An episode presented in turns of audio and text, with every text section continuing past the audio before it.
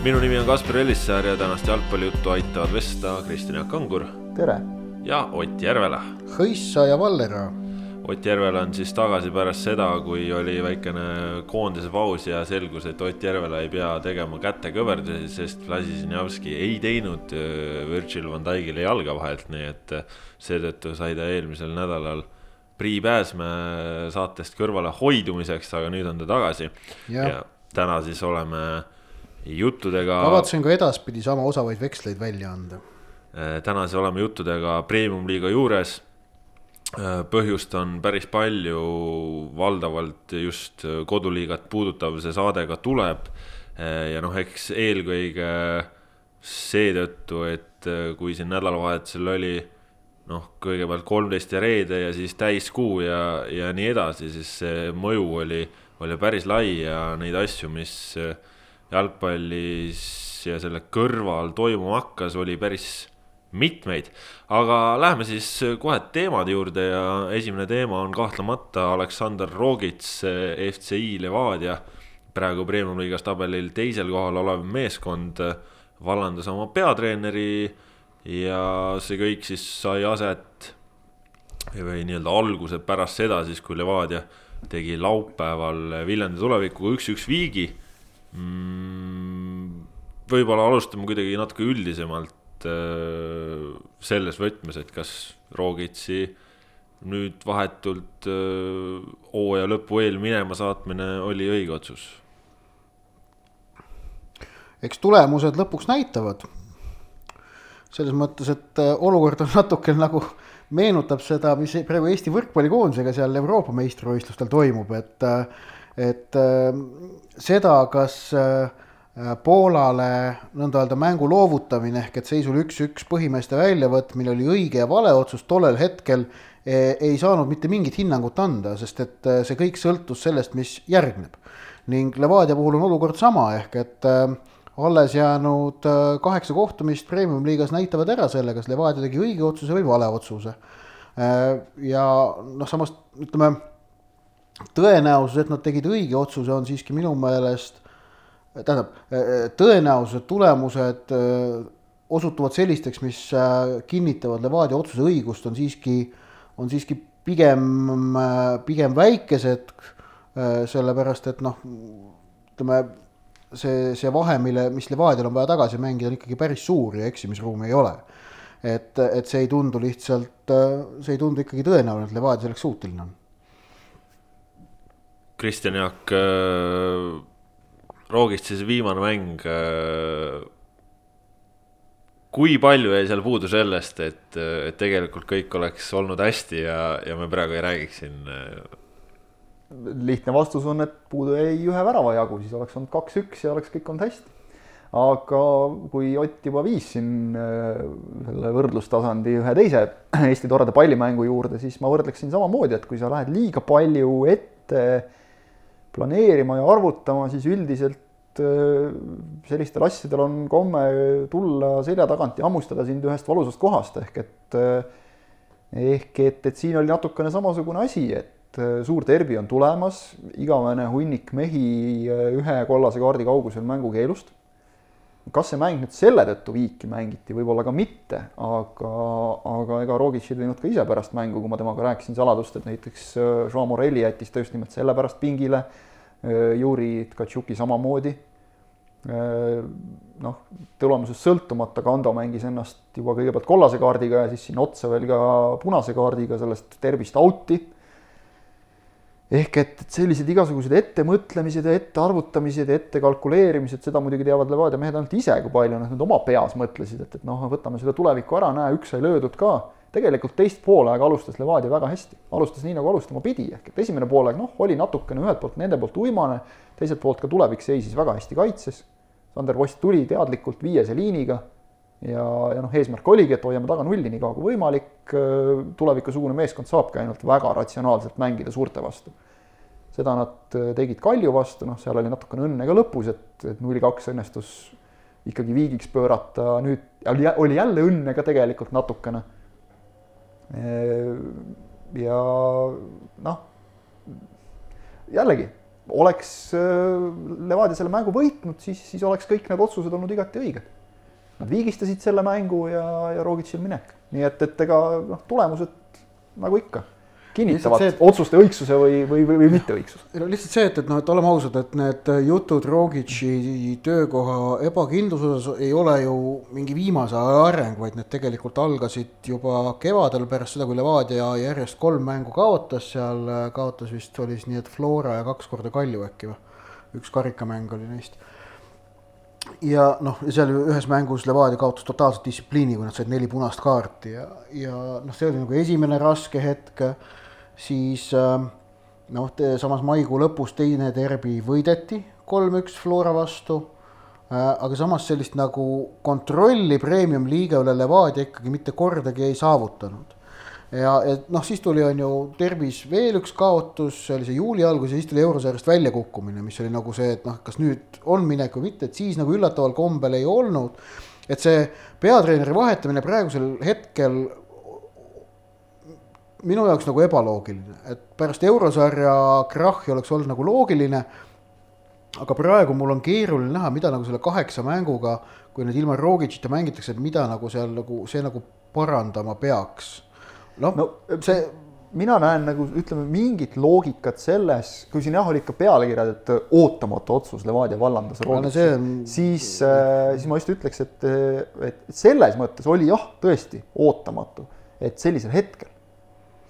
Ehk et noh, vahetult enne sellist mängu, et, et seda ei tehtud varem või siis ei jätkatud temaga lõpuni.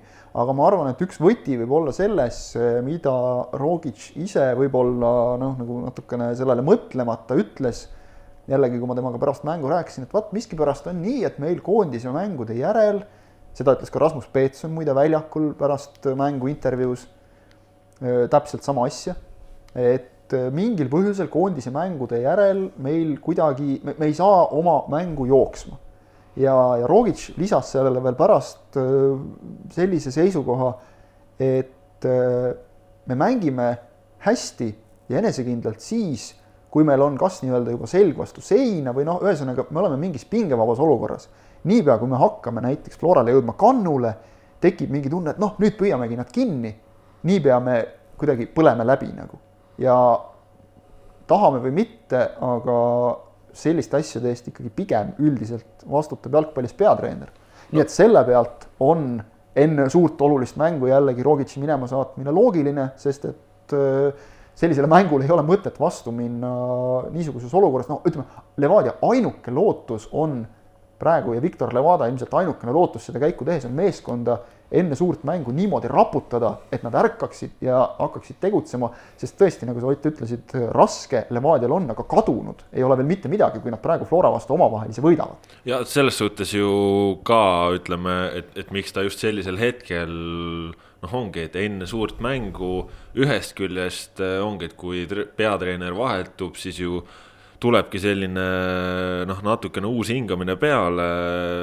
sats saab võib-olla värskust, on ju tehtud uuringuid sellest noh, nii-öelda esimesest mõjust võib-olla või selline emotsionaalse fooni tõusust pärast treenerivahetust ja, ja tegelikult kui me räägime ju ka uuest peatreenerist Vladimir Vassiljev, meeskonna abitreener, ta on kõigega kursis, ta on meeskonna juures olnud äh, pikalt. Äh, no, no see on sada protsenti loogiline valik. see on üliloogiline valik ja, ja, ja selles mõttes ka noh, ma saan aru tema tõenäoliselt äh, võib-olla näeb ka mingisuguseid vigu, mis meeskonnal võisid olla ja võib-olla, mida siis Roogits, ütleme nagu ka ju vihjas et tema oma plaanile jäi alati hästi truuks, aga võib-olla oleks vaja mingisugust mänguplaani muudatust ja Vassiljev tõenäoliselt suudab seda pakkuda. lihtsalt lüüa nagu ülbemalt rohkem pikka palli, noh, mängida sirgjoonelisemalt.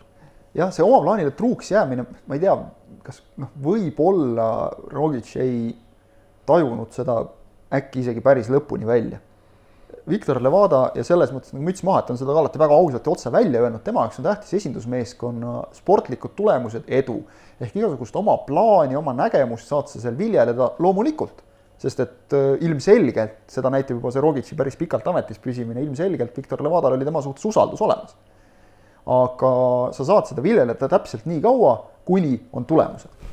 Rogicil tegelikult noh, sellest me oleme isegi oma saadetes siin korduvalt rääkinud, et, et ega need suurte klubide omavaheliste mängude tulemused tal liiga head ei olnud. ja, ja tegelikult jäi lõpuks tema saldoks siis viiskümmend neli võitu, kaksteist viiki, kolmteist kaotust võiduprotsent, ütleme nagu üleliia hea ei ole Levadia-suguse meeskonna kohta. ehk et äh, lõpptulemus on ikkagi see, et, et kui sa ei näita tulemust, siis on sul minek. No Viktor Levada, Levadia president äh, ütles ka meile antud intervjuus, et, äh, et ta usaldas Rogitsit rohkem kui ühtegi teist treenerit kunagi varem, me seda nägime. Äh, Rogits äh, muutis Levadias töökultuuri oluliselt äh, professionaalsemaks, ma arvan, Rogitsi mõju seeläbi ka Eesti jalgpallile laiemalt on, on päris suur, sest ütleme, et kui profiklubi muutub, siis paratamatult kandub see ka natukene edasi ja, ja ma arvan tõesti, et see Levadias tegutsemine läks Äh, oluliselt äh, paremaks, väga palju põhjalikumaks, äh, mängijatel ka kindlasti mugavamaks. Noh, alates juba mingitest pisiasjadest, on ju, aga, aga nagu ütles ka Sergei Bareiko ETV-le antud intervjuus, et mõlemad presidendid on väga palju raha sisse pannud ja vajatakse tulemusi, siis nüüd on minu küsimus selles, kas Vladimir Vassiljevile jäävad need vahendid, jääb see professionaalsus alles ka pärast seda, kui Rogitsit ei ole? no selleks hooajaks no, kindlasti, aga küsimus on järgmises. jah, ja et noh, praegu on kaheksa mängu minna, aga jah, see, et mis on see positsioon, mille, mille pealt Levadia läheb vastu uuele hooajale. ehk et äh, ja, ja seal on, on ju see, et, et äh, seda on Rogic muuseas rääkis mitmetes omavahelistes vestlustes, äh, noh, mida mida ta tegelikult Eesti ajakirjanikega pidas, kuna noh, tema juurutas käesoleva hooaja eel siis selle traditsiooni. tema nõudmisel hakkas Levadia tegema iga mängu ajal pressikonverentse. ja, ja noh, ta rääkis seal ise mingeid asju, aga, aga seal noh, sageli juhtus ka see, et, et kui pressikonverents oli läbi, siis, siis ajasime Rogitšiga niisama veel juttu mingitest erinevatest teemadest. ja üks asi, millest ta, mille juurde ta tegelikult äh, selle hooaja jooksul päris mitmel puhul ikkagi tagasi jõudis äh, ja mitmel puhul oma jutuga oli see, et äh, et miks ta ütles, et ma naudin oma olukorda, et ma ei ole Eesti treener, vaid ma olen välismaalt tulnud ja, ja mul ei ole vaja siin kellelegi meeldida. ehk et mina saan klubis öelda, et need asjad ei ole nii, nagu nad peavad olema ja need tuleb koheselt ära parandada, et mitmel Eesti treeneril oleks keeruline seda nõuda, sest et noh, neil on vaja siis oma töökoha peale rohkem mõelda tegelikult ja noh, näited on see, mida nagu noh, see tegelikult väikesed asjad, mida Rogic on seal teinud, aga noh, et noh, see, et, et Levadias, no mis ta pesu pesemisega on asjad näiteks paremini, no selline elementaarne asi profivõistkonnas. söömisega näiteks. jah, ka toitlustamine on parem, aga, aga, aga mis, mis nagu, mis nagu näiteks veel eriti tähelepanuväärne on, on väljakute kastmine treeninguks.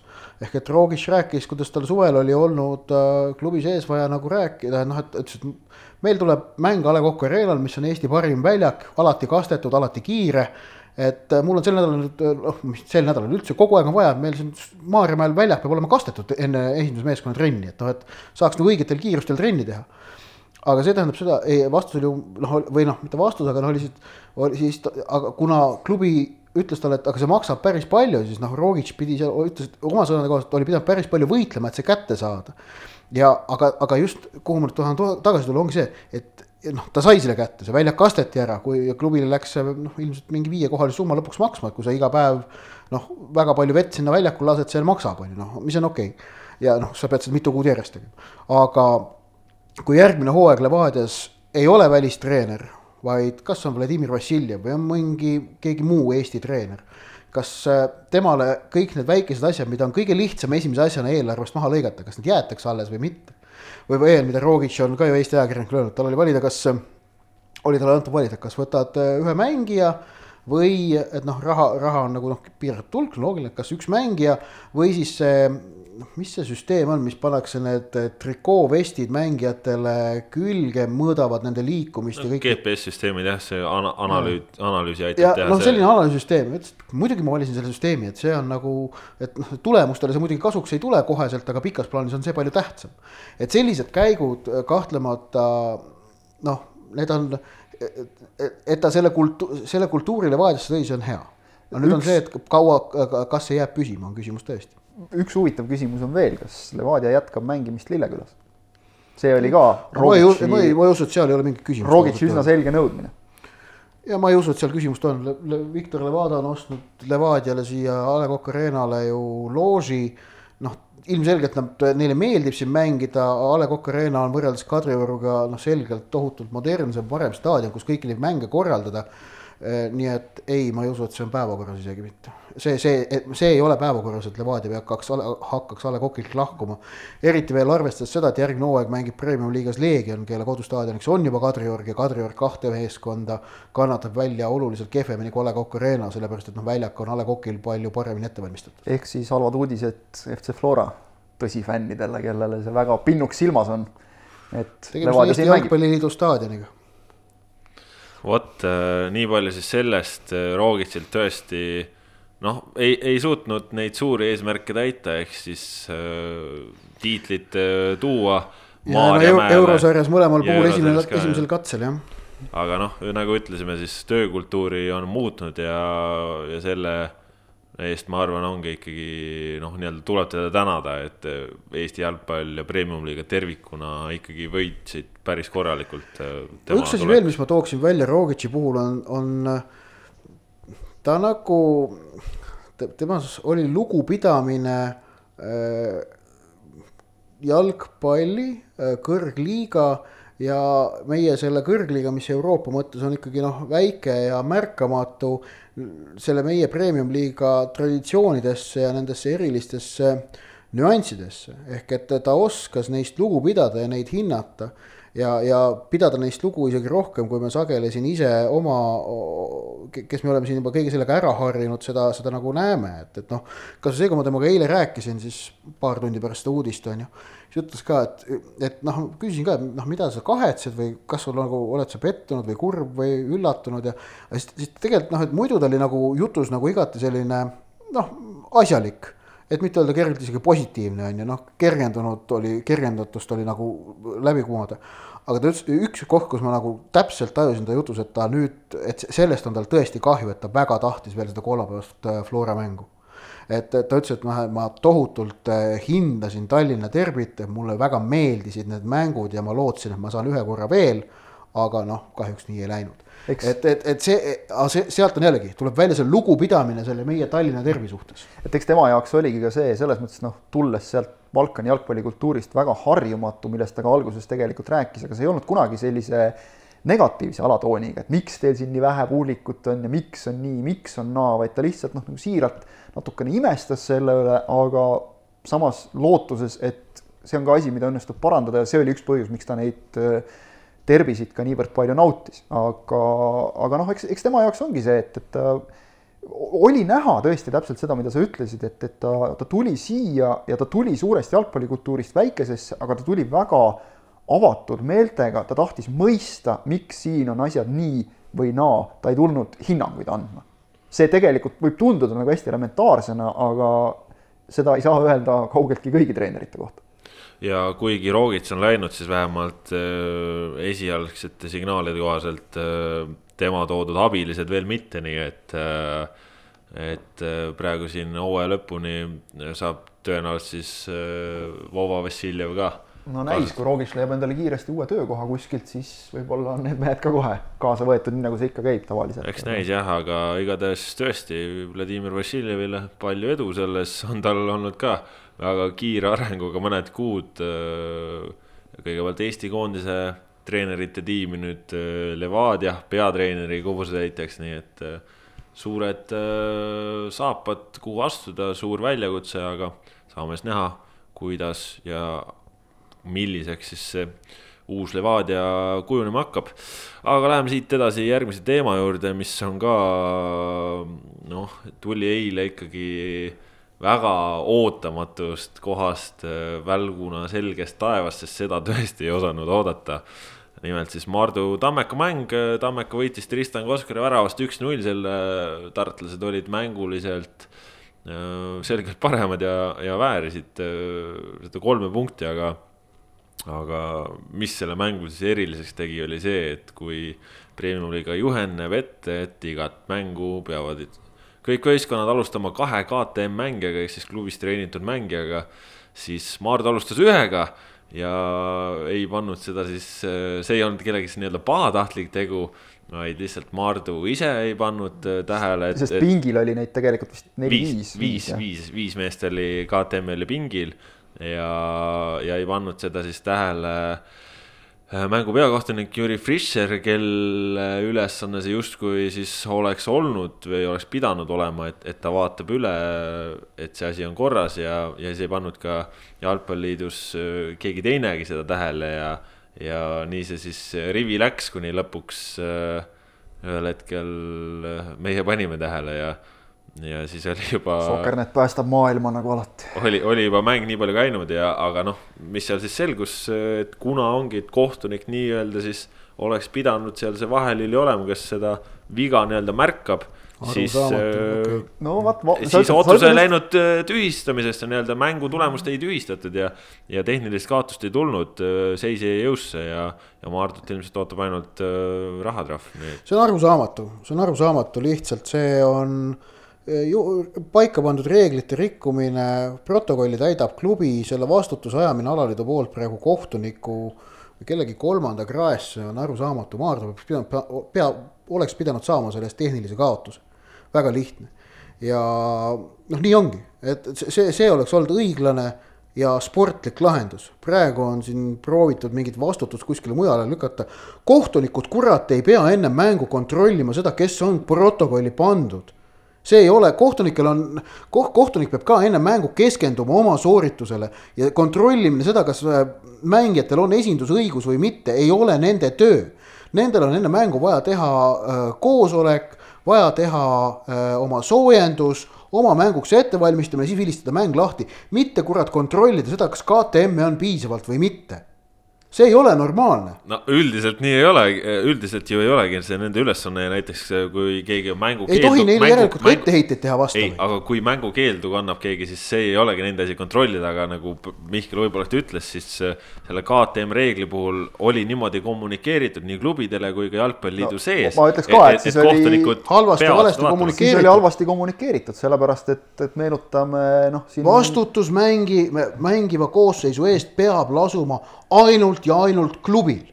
see on ju... elementaarne, see on, see on kõikidel spordivõistlustel samamoodi. protokollis on isegi kirjas, koosseisu kinnitas see ja see, antud juhul Maardu puhul siis näiteks Maardu president Maksim Griošein, kes, kellega rääkisin eile, kes ütles, selles mõttes saame aru, inimlik eksitus Maardul. ja ei, ega seal midagi pahatahtlikku ei olnud, null, me saame no, aru. sest et Maardul, no, Maardul ei ole, eks ole, Maardul ei ole seni probleemi olnud sellega, Maardul on olnud äh, KTM-e piisavalt alati kahes, vaatasin ise huvi pärast järele ka tõesti kahes viimases mängus neli tükki alustanud noh, sa ei tule selle peale. me jõuame muidugi ringiga tagasi jälle selle juurde, et, et nüüd, kui praegu Andrei Borissov oli ka kahenädalasel puhkusel isiklikel põhjustel, tänasest ta peaks tagasi olema meeskonna juures ilusti eh, neid treenima jälle, eks me noh, nüüd eh, näeme järgmises voorus, ma eeldan, et ta on väljaku kõrval, igatahes noh, mulle on seda korduvalt kinnitatud, nii et ma usun inimesi.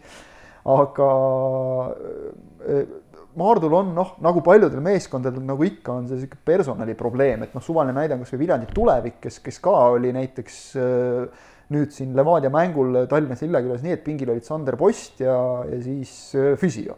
et noh, juhtub, okei okay,, saame aru, aga meenutame näiteks äh, kes siin võib-olla viimasel ajal kõige rohkem, eks ole, viimastel aastatel on eksinud, on Nõmme Kalju pannud paar korda puusse just nimelt mängukeelu all oleva mängija kasutamisega siis oli Sergei Terehov see õnnetu, kes noh, jäi nii-öelda süüdi.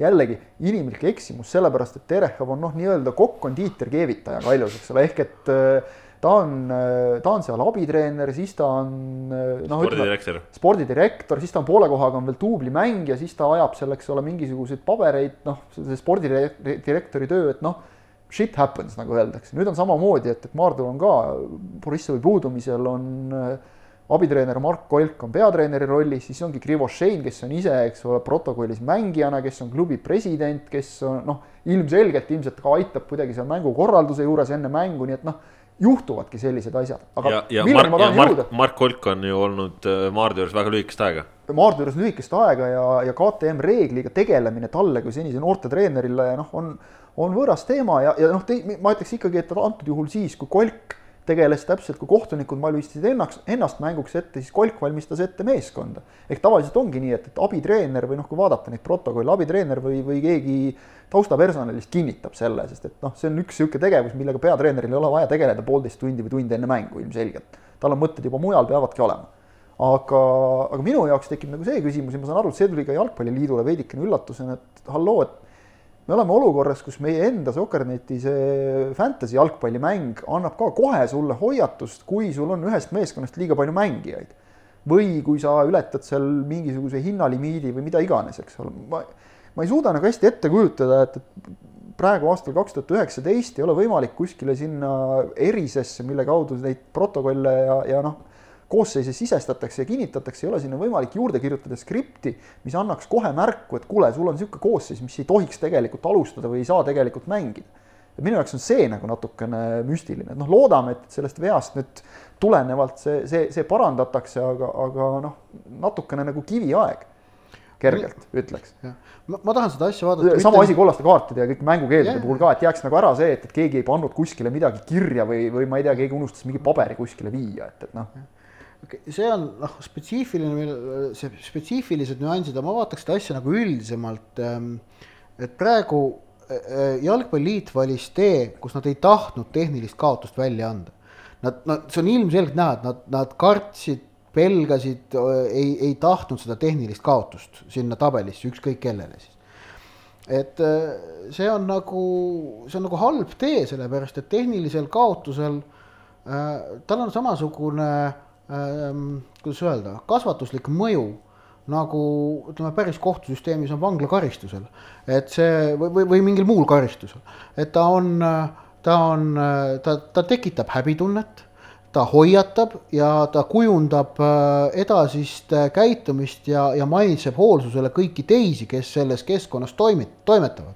aga praegu, kui me, kui, kui lubatakse säärane noh, juhendi rikkumine lihtsalt niisama läbi minna, siis see mitte ei suurenda hoolsust, vaid ikkagi tekitab ja levitab pigem mõtteviisi, et noh, et äkki ikka kuidagi saab noh, läbi või midagi, noh no,. see räägi, ei ole hea.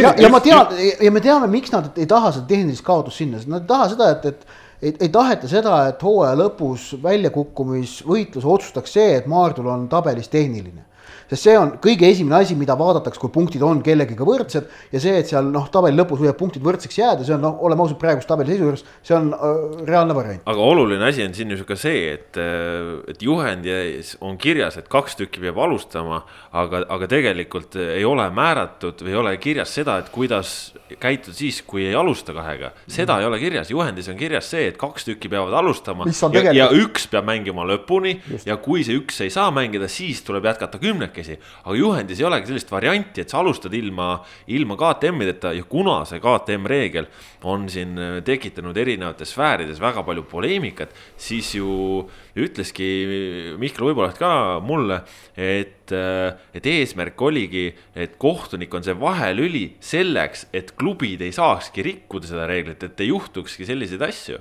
ja, ja, ja noh, see oli siis nii-öelda omakeskis seal kirja pandud ja tehnilist kaotust ei saanudki panna, sest no juhend sisuliselt ei võimalda seda. samas, samas ta ütleb, samas ta ütles, et see tulekski klubidega dialoog kohtumistel siis nii-öelda arutluse alla võtta, et kas nii-öelda rikkuja vääriks siis äh, tehnilist kaotust no,. minu meelest ei ole seal selles mõttes midagi arutada, et, et see punkt tuleb lihtsalt järgmiseks hooajaks juhendisse sisse kirjutada, ongi kõik, et, et noh, kui, kui, kui see, nagu sa ütled, see. KTM reegli rikkumine mängu jooksul toob kaasa tehnilise kaotuse, lihtne. jah, kui see on olemas, eks ole, et, et sa pead jätkama kümnekesi, noh, see ongi, see on juba karistus, eks ole ja me, siin on ju tegelikult on olnud ka neid olukordi esiliiga B-s näiteks, eks ole, ühel klubil ka, kes on mitu korda alustanud niimoodi, et KTM ei ole piisavalt, saame aru, uus klubi alles alustanud, noh, ka raskustes praegu see selleks. ja siis on alustatud niimoodi, et on alustatud kümnekesi ja siis on tulnud esimesel võimalusel sisse mitte KTM.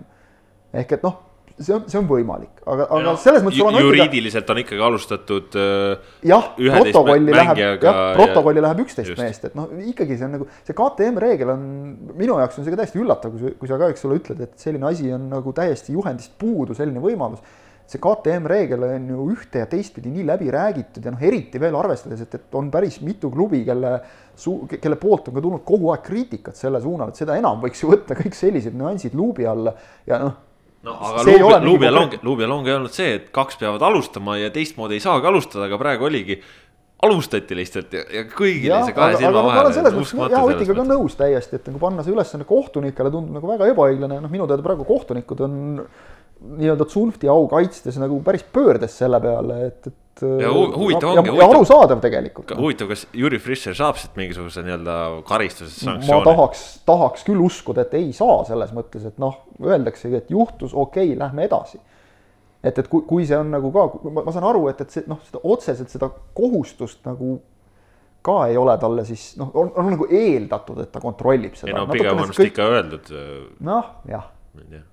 Ühesõnaga väga loll olukord kokkuvõttes, mis ei tule kasuks kellelegi ja, ja kui sa ütled, Ott, et see on äh, distsiplineeriva iseloomuga, siis ta on ka tõesti väga selgelt äh, sportliku tähendusega. kujutame ette praegu, et oleks juhtunud selline olukord, selles mõttes oli praegu hästi, et noh, Maardu kaotas väljakul ja noh, okei okay,, neile jäi null tabelisse, nad ei saanud seda tehnilist kaotust. esiteks, mida mõtlevad, ütleme reaalselt siis Kuressaare Kalev ja Viljandi tulevik, kel, kes võivad olla hooaja lõppedes võrdsete punktide peal Maarduga ja, ja jääksid muidu võib-olla püsima selle tehnilise kaotuse tõttu, nüüd ütleme, ei jää näiteks. või teine asi see, kui äh, Maardu noor mängumees Martin Jagumets oleks löönud äh, viimasel sekundil üks-üks ära, mis siis saaks? no see. Maardu saaks punkti Ma tabelisse ja kõik oleks nagu okei okay., noh siis oleks muidugi, siis on ilmselt oleksid juba siin hommikust saadik jalgpalliliidu ukse taga juba dokumentidega Tartu Tammek oleks ikka väga kuri kõik, olnud. kõik oleksid kohal, Tammek oleks kuri, kõik need kolm konkurenti, keda mainisin, kõik oleksid kurjad, siin oleks järjekord juba liidukontori aga ukse taga, et mu- kõik tahavad mulle- protesti sisse anda. mulle, mulle tundub, et, et ka et sel, ütleme sellepärast ei tahetud tehnilist kaotust anda, sest tehnilise kaotusega oleks see mäng kaotanud igasuguse mõtte, see oli ETV2 telemäng no, seal oli noh, seda ja, mängiti jalgpalli ja noh, tegelikult noh, ma ütlen, mina kajastasin seda mängu ja, ja mina olin valmis kirjutama noh, ütleme juba teise poole alguses, et, et praegu käib mäng millel ei ole tähtsust, sest sealt peaks tulema tehniline, aga noh, nagu selgus, siis ei tulnud tehnilist selles suhtes, et, et noh. ei no lihtsalt, lihtsalt, et noh et, et noh, see mäng nagu oleks kaotanud oma igasuguse tähenduse, see oleks muutunud lihtsalt pühapäevaseks eh, treeningmatšiks. Sest noh, kui, kui ta oleks olnud, kui ta oleks muutunud tehniliseks ju, et noh, hästi jah, kummaline olukord ja, aga aga noh, ütleme, et Tundub, kui, see kui sa paned. täiskuu ikkagi mõjutab, noh. meil on siin olnud ju ka selliseid mänge, kus pannakse mängukeel tooma mängija vahetusest sisse üheksakümmend pluss vist, eks ole, et noh, ta sisuliselt nagu mängu ei mõjuta. Andrei aga- Borissov ise ju. jah, muidugi, täpselt. vaat näed jälle, oleks Borissov olnud puhkuselt tagasi, oleks kõik korras. oota, aga see oligi ju see aasta ju, jah, võis olla, ma ausalt öeldes. kui see oli see aasta, siis on Maardul on juba üks tehniline kaotus all. vot, vot praegu praegu nüüd Jah. jääme siin keset salvestust jääme, jääme mõtetes hätta, et, et kas see oli tõesti sel aastal premium-liigas või oli see mullu esiliigas. Borissov minu meelest sel aastal ei ole küll. pigem oli kas. Leegion sai see aasta esiliigas tehnilise? äkki me ajame sellega sassi? ei, kõrgliigas tehnilist ei ole küll kellelgi. Jätkame saatega. Jätkame saatega, läheme edasi siis ka veel ühe mängu juurde. jalgpalli juurde. Nõmme Kalju viigistas kodusel Hiiu staadionil Narva Transiga kaks-kaks, Ott Järvela, sina olid seal sündmuste keerises ja nagu Transi peatreener Oleg Kurotškin mängu järel sulle ütles, siis õnnitleda neid ei tasu, sest nad kaotasid kaks punkti.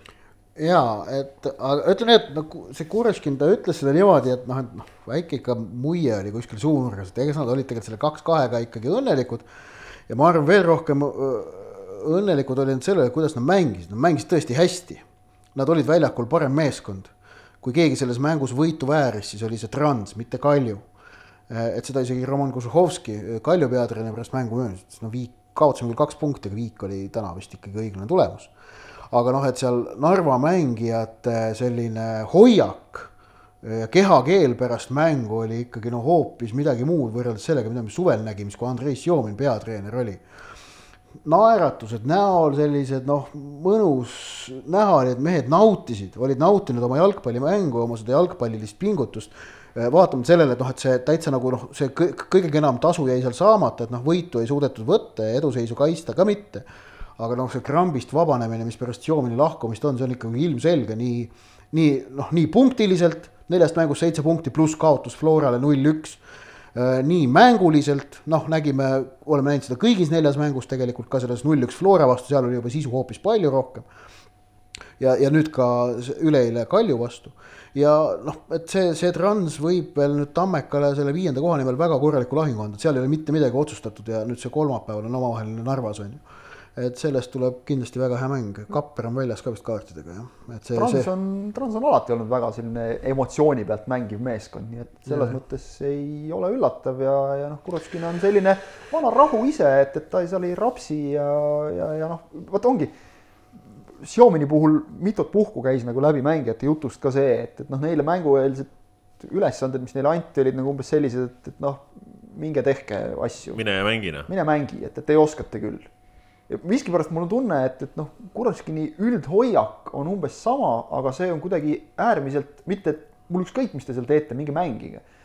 aga, vaid tal on nagu see, et, et noh, poisid, suudame ju ja, ja näed, suudavadki. et, et kuidagi noh, arvestades seda, et, et kui sa tuled meeskonna juurde, kelle juures sa ei ole olnud absoluutselt ja sul on muud ülesanded, muud kohustused ka, nagu me teame, Kurovskinil on, siis, siis noh, loogika ütleb, et, et tõesti see emotsionaalne selline positiivne hea hoiak. midagi kaotada ei ole ka tegelikult Transil, eks ole, et, et noh, lihtsalt võtke nüüd see hooaja lõpp korralikult, mängige ära ja, ja seda nad teevad ka täpselt. kuule, aga kuna Paide alistas äh, Kuressaarel, Kuressaares tugeva tuule käes sealse satsi kolm-null, siis. Äh, mitte ükski asi selles lauses ei ole üllatav.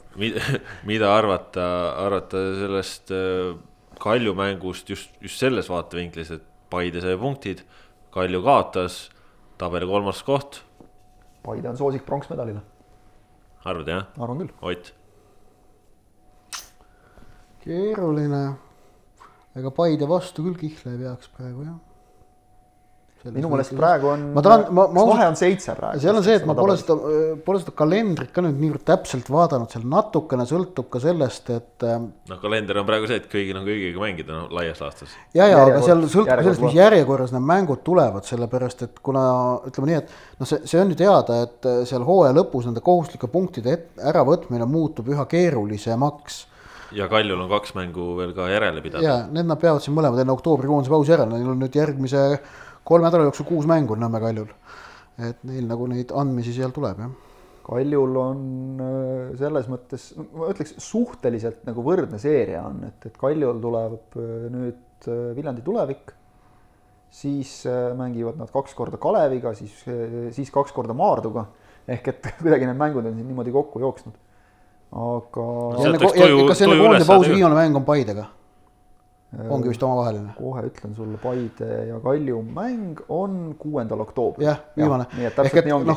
ja, ja, ja enne seda Kalj... Paidel, Paidel samas on enne seda on äh, mängida Maarduga, äh, tulevikuga, noh, kus Paide on ikkagi mõlemas mängus väga selge soosik ja siis ütleme selline potentsiaalne libastumise koht äh, Narva sõit enne, enne omavahelist mängu. nii et äh, aga, aga seal ongi see, et noh, Kaljul on vaja need viis, Kaljul on need viis mängu, tulevik, kaks Kalevit, kaks Maardut vaja kõik võita. Neil ei ole seal enam, neil ei ole seal enam eksimisruumi, nad teavad seda väga hästi ja see, see võib seal pinged peale lükata ikkagi.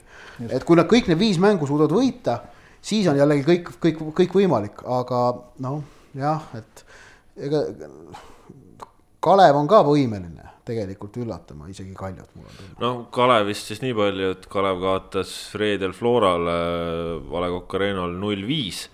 ja see tähendab seda, et tõesti Flora, kes siin vahepeal Levadiat kutsus jubedalt äh, tiitlimängu, siis jah, nagu me teame, siis lähevad asjad äh, päris tõsiseks kolmapäeval Flora Levadia mäng ees ootamas ma ütleks selle Flora Kalevi mängu kohta täpselt nii palju, et, et Kalev mängis tegelikult väga hea esimese poole väga tubli esimese poole ja üks loll, no ütleme, kaks järjestikku tulnud natuke rumalat individuaalset eksimust kinkisid Florale penalti.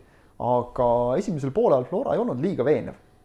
ehk et teise poole alguses noh, täpselt nagu ikka tugevam klubi, klubi lükkab käiku, lööb kohe ära ja siis sealt Kalev lagunes. aga noh, Kalevi suur küsimus ongi see, et, et kuidas panna kokku üheksakümmend minutit head jalgpalli, et nad on võimelised noh, siin kolmkümmend, seal nelikümmend viis niimoodi tegema, eks ole ja, ja siis tulevad jälle kuskilt mingid sellised individuaalsed eksimused sisse, aga et kui neil nüüd üks mäng õnnestub ja noh, ütleme näiteks Kalju vastu minnes, neil ilmselt on ikka kuskil kuklas teadmine, et meil sel hooajal ühe korra on juba õnnestunud ja teist korda oleks no, peaaegu eelmine aasta läksid ka päris hästi ja ikka no ja teist korda oleks peaaegu õnnestunud ja mäletame Mikk Reintami noh, sisuliselt viimase sekundi väravat. Ehk et äh, ma üldse ei välista, et sealt ja Kaljul on, nagu sa siin just oli juttu, tihe graafik. ehk et ja Kalju, Kalju pink omakorda ei ole meeletult äh, nüüd pikk ega sügav. ehk et äh, vangerdamisruumi vähe ja sealt, sealt võib üllatusi tulla aga Flora Levadia kolmapäeva õhtul ees ootamas mäng, mis tõenäoliselt võib otsustada ära tiitli, sest kui Flora võidab, on nendel Levadia ees edu käes. kui Levadia võidab, on kõik uuesti lahti, no kui jääb viiki, siis on ka sihuke so and so. Floral on siis ikkagi, ikkagi väga hea seis, kui viiki jääb. minu meelest on see, et on Levadia, Levadial on ikkagi võitu vaja, sest Flora sisuline edu on viis punkti. tabelis võib olla see kaks, aga neil on see järelvedav mäng vist on tulevikuga vist, ei tulevikuga jah. jah, et no ei näe nagu, et Flora seal komistaks. Et sisuline edu on neil viis punkti tegelikult. aga Ott, mida oodata Flora Levadia mängust äh, siin arvestades, et äh, ma tahaks loota, et ja võib oodata, et tuleb nagu ütleme, tavapärasest derbist mõnevõrra vähem luuravam mäng, just nimelt põhjusel, et Levadial on võitu vaja. ja nad peavad minema võidu peale mängima. ma tahaks uskuda, et nad ka lähevad. noh, ütleme kõik nagu eeldused selle jaoks on ju loodud, et see võistkond on kindlasti emotsionaalselt noh, sellises äh, kuidas nüüd öelda, mis, mis see sõna täpne oleks, emotsionaalselt üles köetud ilmselt, sest treeneri vahetus seda ikkagi teeb võistkonnaga. ei, ei ole ju teada ka, kuidas näiteks erineb täpselt äh, Vassiljevi filosoofia Rogitsa omast, ehk siis ka mõned põhimängijad, kes on muidu olnud, võib-olla on nüüd hoopis varus ja mõni varumängija, kes on seni olnud pingil, on järsku nüüd saab no, hoopis suurema. kas Pavel Maarjan saab lõpuks nagu põhisse või mitte näiteks on ju. aga et see on nagu Levadia poolt vaadatud, noh Flora poolt on see, et Flora hoidis ju mängus Kaleviga Kreida ja Vassiljevi näiteks pingil, et Flora. Kamsi ka ja Kamsi ka, et Floral on kindlasti ka nagu värskust juures, et ma arvan, et seda reedest, reedene Kalevi mäng ei sega, et, et noh, et selles mõttes noh, hea mäng nagu ikka Tallinna Derbit sel hooajal. jah, see reedene Kalevi mäng, see mingil hetkel läks, läks selle tempo läks nagu, läks nagu väga-väga alla, et, et noh, isegi Erik Sorga, kes seal ka suht varakult puhkama võeti, ma ei usu, et ta seal väga ära väsitas ennast. aga ma arvan muide, et Marin võib saada mängu, sest tuletan veel kord meelde, Kando on Levadial puudu mm. -hmm aga, aga kas... ma ei usu, ma ei usu, et, et seal Vassiljev hakkab mingeid väga suuri muudatusi tegema, Vassiljev muide tuleb tegelikult sellise päris äh, hea emotsiooni pealt nagu isiklikus plaanis selles suhtes, et äh, Levadia duubel on, on väga hästi mänginud viimastes voorudes, järjest suuri võite võtnud ja ja, ja kuna ma just äh, juhtusin ise seda viimast mängu Pärnu vaprusega, mille nad ka suurelt võitsid, kommenteerima ehk ka jälgima, siis sellise väga mõnusa lustiga mängitakse, et, et kui nüüd noh Vassiljev suudab selle emotsionaalse tunde nagu esindusmeeskonnale üle kanda, siis, siis, siis noh, on, on vägagi reaalne võimalus Levadial küll võiduks olema kuulge, aga ilmad on siin läinud väga sügiseseks, aga nagu isiklik sihuke sisetunne võiks öelda, et see derbi, mis otsustab võib-olla tiitlivõitja, võiks tuua äkki mingi rekordpubliku ka või? no ma ei tea, kui te nüüd ka ei tule, millal te veel tulete siis? ma tahaks küsida, tulge ikka.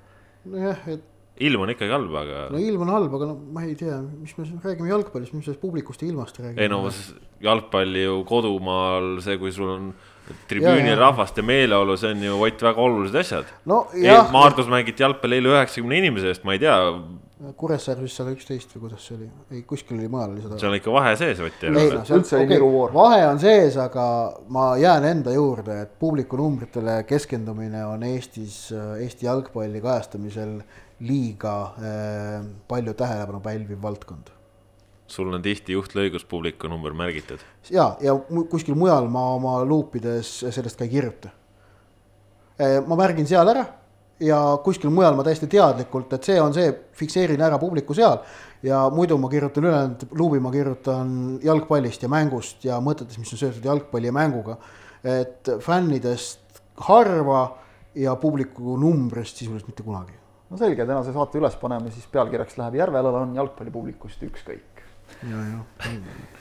aga põnevaid mänge veel nädala keskel tulemas, teisipäeval Kalev Kure potentsiaalselt väljalangejat äh, või üleminekumängudele minejat otsustav lahing väga-väga no, määrav.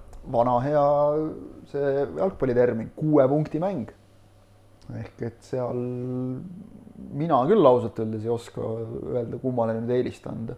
Täiesti, minu, minu jaoks on see mäng on ikka, ikka väga mündivise nagu, et, et noh, olles neid mõlemaid meeskondi nüüd siin rohkem-vähem näinud, siis no see ongi, see on ka, kui Sanja Dmitrijevi Kalev mängib lihtsalt äh, nagu nii mõnusat äh, võitluslikku jalgpalli ja nad proovivad, nad üritavad äh, ja kui nad suudavad vältida isiklikke individuaalseid vigasid, on kõik hästi. kui kui, kui. Ja, samas äh, Dmitri Kalašnikov, see FC Kuressaare on täiesti uue hingamisega, uue põlemisega, aga te ei leia millegipärast väravat ülesse ja, ja nendel on, on kari, väga halb kari... seeria, ehk siis ka vaimne pinge on tõenäoliselt üha-üha enam kasvav. värav asub jalgpalliväljakul seal karistusala pikema serva selles pooles küljes, kus on ka see väravahi, see väike kast, et sealjuures.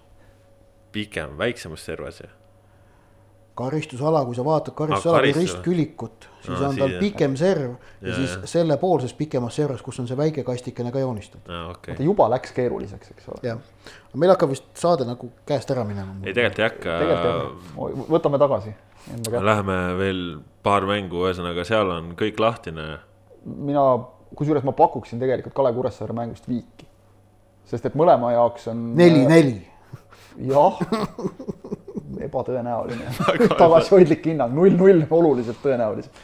sest et ma arvan, see on jällegi mäng, kus on lihtsalt see, et mõlema jaoks kaotus oleks liiga ränk mm -hmm. ja läheb kinniseks, aga noh, mingil hetkel selles mõttes on äge, et seal tagaotsas on neid meeskondi nii palju, et, et tulevik nüüd sai seal nagu ühe võiduga natukene eest ära, mis tegelikult tõmbab seal tagumise otsaga käima, et, et keegi kuskil kedagi võidab, siis ta saab kohe nii tohutu eelise sellest, et see sunnib teised ka mängima natuke. oleks kahe meeskonna omavaheline, siis võiks nagu veel noh, et ootame ja vaatame, aga põnev mäng tuleb kindlasti. kuulge, aga nädala keskel on ju ka noh potentsiaalselt üldse premium-liiga kõige parem mäng üldse Narva Trans Tartu Tammeka ja see ei ole parim mäng sellepärast, et nad mängivad viienda koha peale, vaid see ajalugu, mis nende kahe satsi vahel on.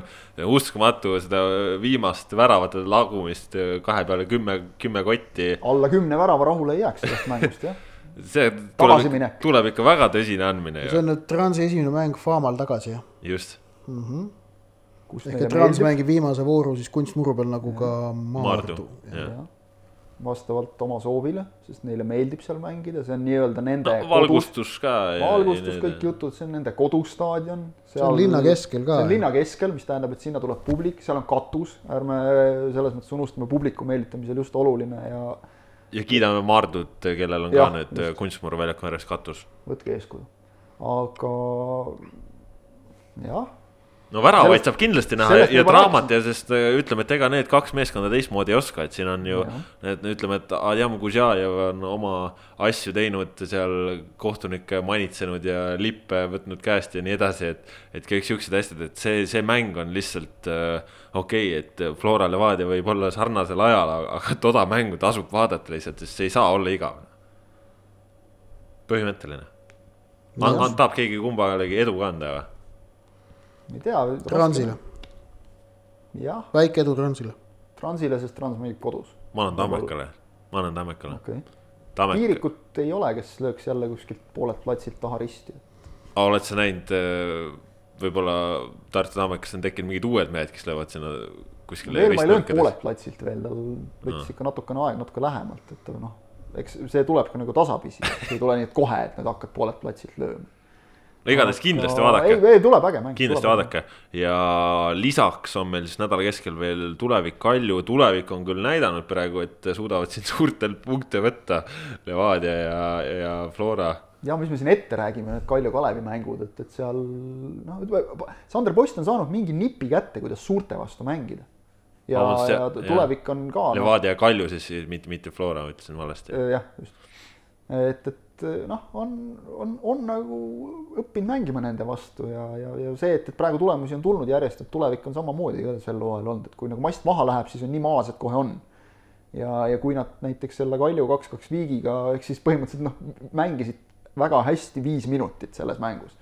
ja see tõstis nad kohe, kohe niivõrd heasse hoogu, et äh, sinna kohe võit otsa ja, ja nüüd viik siit Tallinnast äh,, see on noh, meeskond nii et äh, ei saa kerge olema ja üks mäng veel, Maardu Paide, me oleme täna väga vähe, vähe rääkinud Paidest, aga ma arvan sellepärast, et me oleme Paidest rääkinud väga palju ja. ja põhjus on lihtsalt see, et Paide kõik sujub praegu, kõik sujub, nad võtavad oma punkte, nad ei jandi mingite asjadega. tehakse, mida vaja on ja püüeldakse jõudsalt kolmanda koha suunas. no nagu ma enne ütlesin kommentaariks su sellele lausele, et, et, et Kuressaaret kolm-null võitsid kõige kiuste, noh, nii ongi täpselt, et endiselt Paide on äh, suuri, Tallinna suuri välja jättes kaks korda kaotanud punkte tabelis tagapool olijatel. noh, kui me Kaljut ei arvesta. no et, ja. Äh, see, see on, see ongi see nende uus klass lihtsalt praegu jah, ja, ja Paide klassi jagub ikkagi igale rindele, sest äh, Paide kolmas võistkond siin nädala keskel ju võitis väikese karika finaalis ka Otepääd Ott Järvele.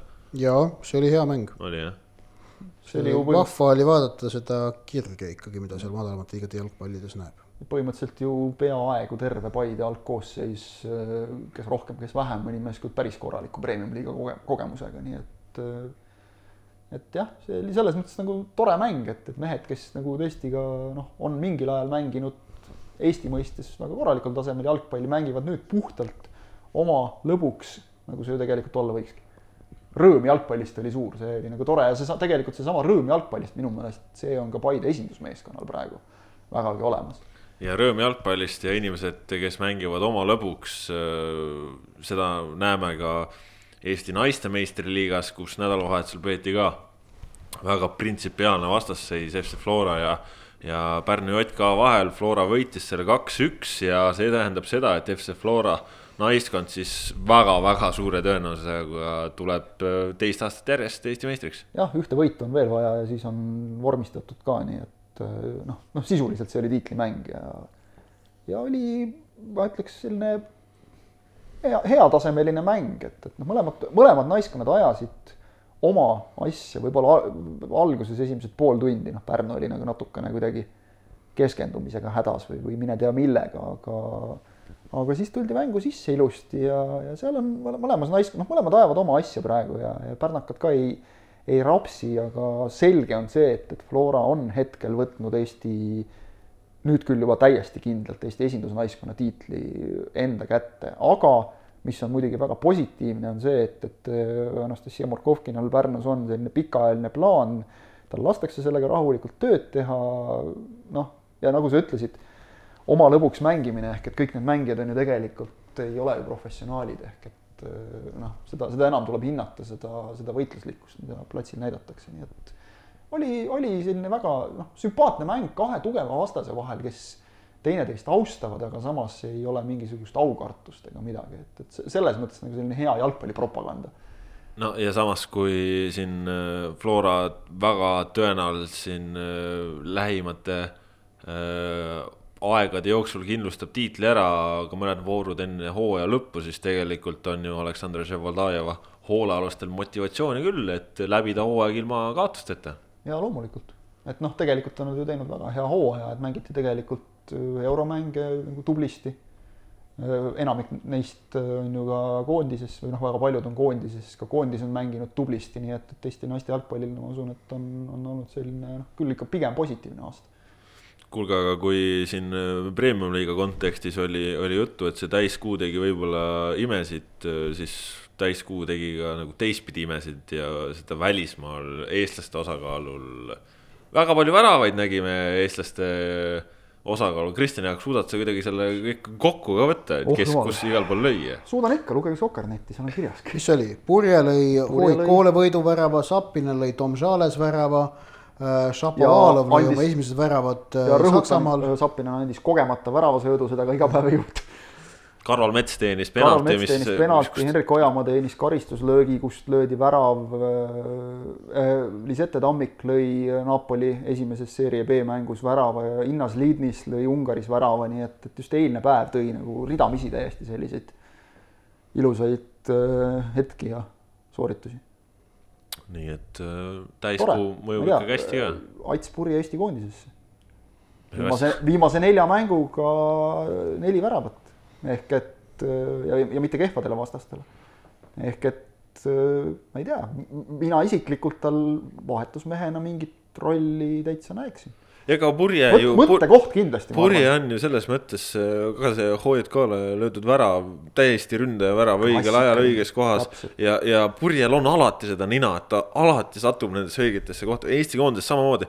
tulgu ta vahetust, mis iganes, ta alati, ta alati satub vähemalt mingisse momenti, kus, kus ta saab lüüa, et kas ta lööb ära siis või mitte. alati tal tekivad need olukorrad, sest ta lihtsalt oma kuidagi kavalusega, tarkusega, kohavalik, alati satub õigesse kohta ja see on tegelikult ründajate puhul nagu alati noh, või no mitte alati, aga tihtipeale räägitakse, et aa oh,, et mis asja, mingi Ruud van Nistelrooy, et ta ju lihtsalt paneb jala vastu või midagi no.. aga see, et seda jalga vastu panna, sa pead olema õiges kohas ja see eristabki ründajaid, et üks mängija suudab olla õiges kohas, teine mitte. ja see on ülisuur kunst, millest tegelikult aru ei saada, vaadatakse, et üks lööb äh, mingi viie meetri pealt täpp-pinna, et, et see ju pole mingi, mis ründajad on selline. aga ega väga paljud ei suuda selle koha peal olla, et, et seda täpp-pinni lüüa. see on vaist ja ma loodan, ma ei tea, kui Ats kuulab, ta ei pahanda, aga no ikka vanameister juba, et tasuks nagu austust üles näidata. ma rõhutan meister, meister, rõhksõna on meister. väga hea. aga siit veel enne, kui saate ära lõpetame, siis äh, võtame ka ühe kuulaja küsimuse ette. Kribenski uuris meilt, kas Kalju peaks jätkama ka järgmisel aastal Roman Kožuhovski teenetega või tooma hoopis uue peatreeneri, kuidas siin arvamused on kolleegiumil Ott Järvele? siin kõik märgid näitavad, et et äh, esiteks leping ju sõlmiti ka temaga, mis katab järgmist hooaega ja ei ole näha küll, et Kalju plaaniks Kožuhovskist loobuda. kui me vaatame seda, keda Kalju on sel suvel nüüd värvanud, äh, Homutov ja Lobai, kaks Ukraina mängijat on toodud, keda Kožuhovski ilmselgelt ise on nagu varem mingil määral tundnud Kalju tegeleb praegu tegelikult juba ju järgmiseks hooajaks võistkonna ehitamisega ja on selle nimel isegi nõus, on ju siis pronksiga riskima, nagu me näeme sellest, et Reginald näiteks on pingile jäetud, et Udje ja Lili ju mängiõigused müüdi maha ja, ja siin on noh, mingeid nüansse veel. nii et äh, praegu seisuga julgen öelda, et äh, ei, ei ole küll paista, et Roman Kozuhovski ei oleks järgmise hooaja alguses Nõmme Kalju peatreener. ei näe mõtet muuta, ausalt öeldes sellepärast et täpselt nagu sa ütlesid, meeskond on juba komplekteeritud selle sihiga ja ja ütleme, et, et Sergei Frantsevi kokku pandud meeskond oli noh, niimoodi väga konkreetset tüüpi, Kožuhovski on sedasama rida jätkanud. ehk et noh, kui sa nüüd hakkad treenerit vahetama, siis tuleb kuskilt kas leida samasugune treener sama stiiliga, mis on noh, veidi keeruline ja tekib jälle küsimus, et milleks siis või siis vahetada tervet meeskonda, mis nagu ka ei tundu eriti mõistlik mida ma isiklikult tahaks Kožuhovskit rohkem näha, on see, et noh, endine duublitreener, et, et ta tooks noh, praegu saan aru, praegu on pingeline aeg, aga noh, isegi praegu on mõned mängud, kus saaks nagu anda noortele natukene rohkem. et, et võiks sealt äh, Kalju, Kalju noortest kedagi veel natukene ülespoole tuua, anda mingeid võimalusi, aga noh, näis, see on kõik uue hooaja teema. milliseks see meeskond komplekteeritakse, me ei tea ju veel üldse, sõltub ju väga palju ka sellest, kas Kalju saab eurokoha kätte või peab jääma uuest hooajast veel ootama seda, et kas tuleb karika kaudu. näis saame näha ja, ja kuigi siin sel nädalal algab ka meistrite liiga, siis äh, head kuulajad, täna sellest pikemat juttu ei tee. hoidke lihtsalt silma peal, teisipäeval, kolmapäeval need mängud on ja, ja need mängud on juba ka kahel erineval ajal, ehk siis ei ole ainult kakskümmend üks, nelikümmend viis, vaid on juba ka varem mängud. Äh, nii et äh, jälgige siis meistrite liigat, kindlasti Sokkernetist saate nende kohta lugeda ka ja eks sellest välismaa jalgpallist jõuame siis rääkida rohkem, kui on talv käes ja Eestis vutti sellisel määral ei mängitagi. aga aitäh, et äh, olite meiega, et meid kuulasite. kui on teil küsimusi, siis kirjutage, joonistage meile ikka, teate kõiki neid kanaleid alates Okkeneti Foorumist, artikli kommentaariumist. Twitter, Facebook, mida iganes, leiate meid kahtlemata üles ja, ja loodetavasti me leiame teie küsimused ka üles aga tänane saade siis selline oli, saate tõid teieni Kaspar Elisser, Kristjan Jaak Kangur. tore oli. tšau, Leo. ja Ott Järvele ka, nii et äh, kuulake meid jälle, adjöö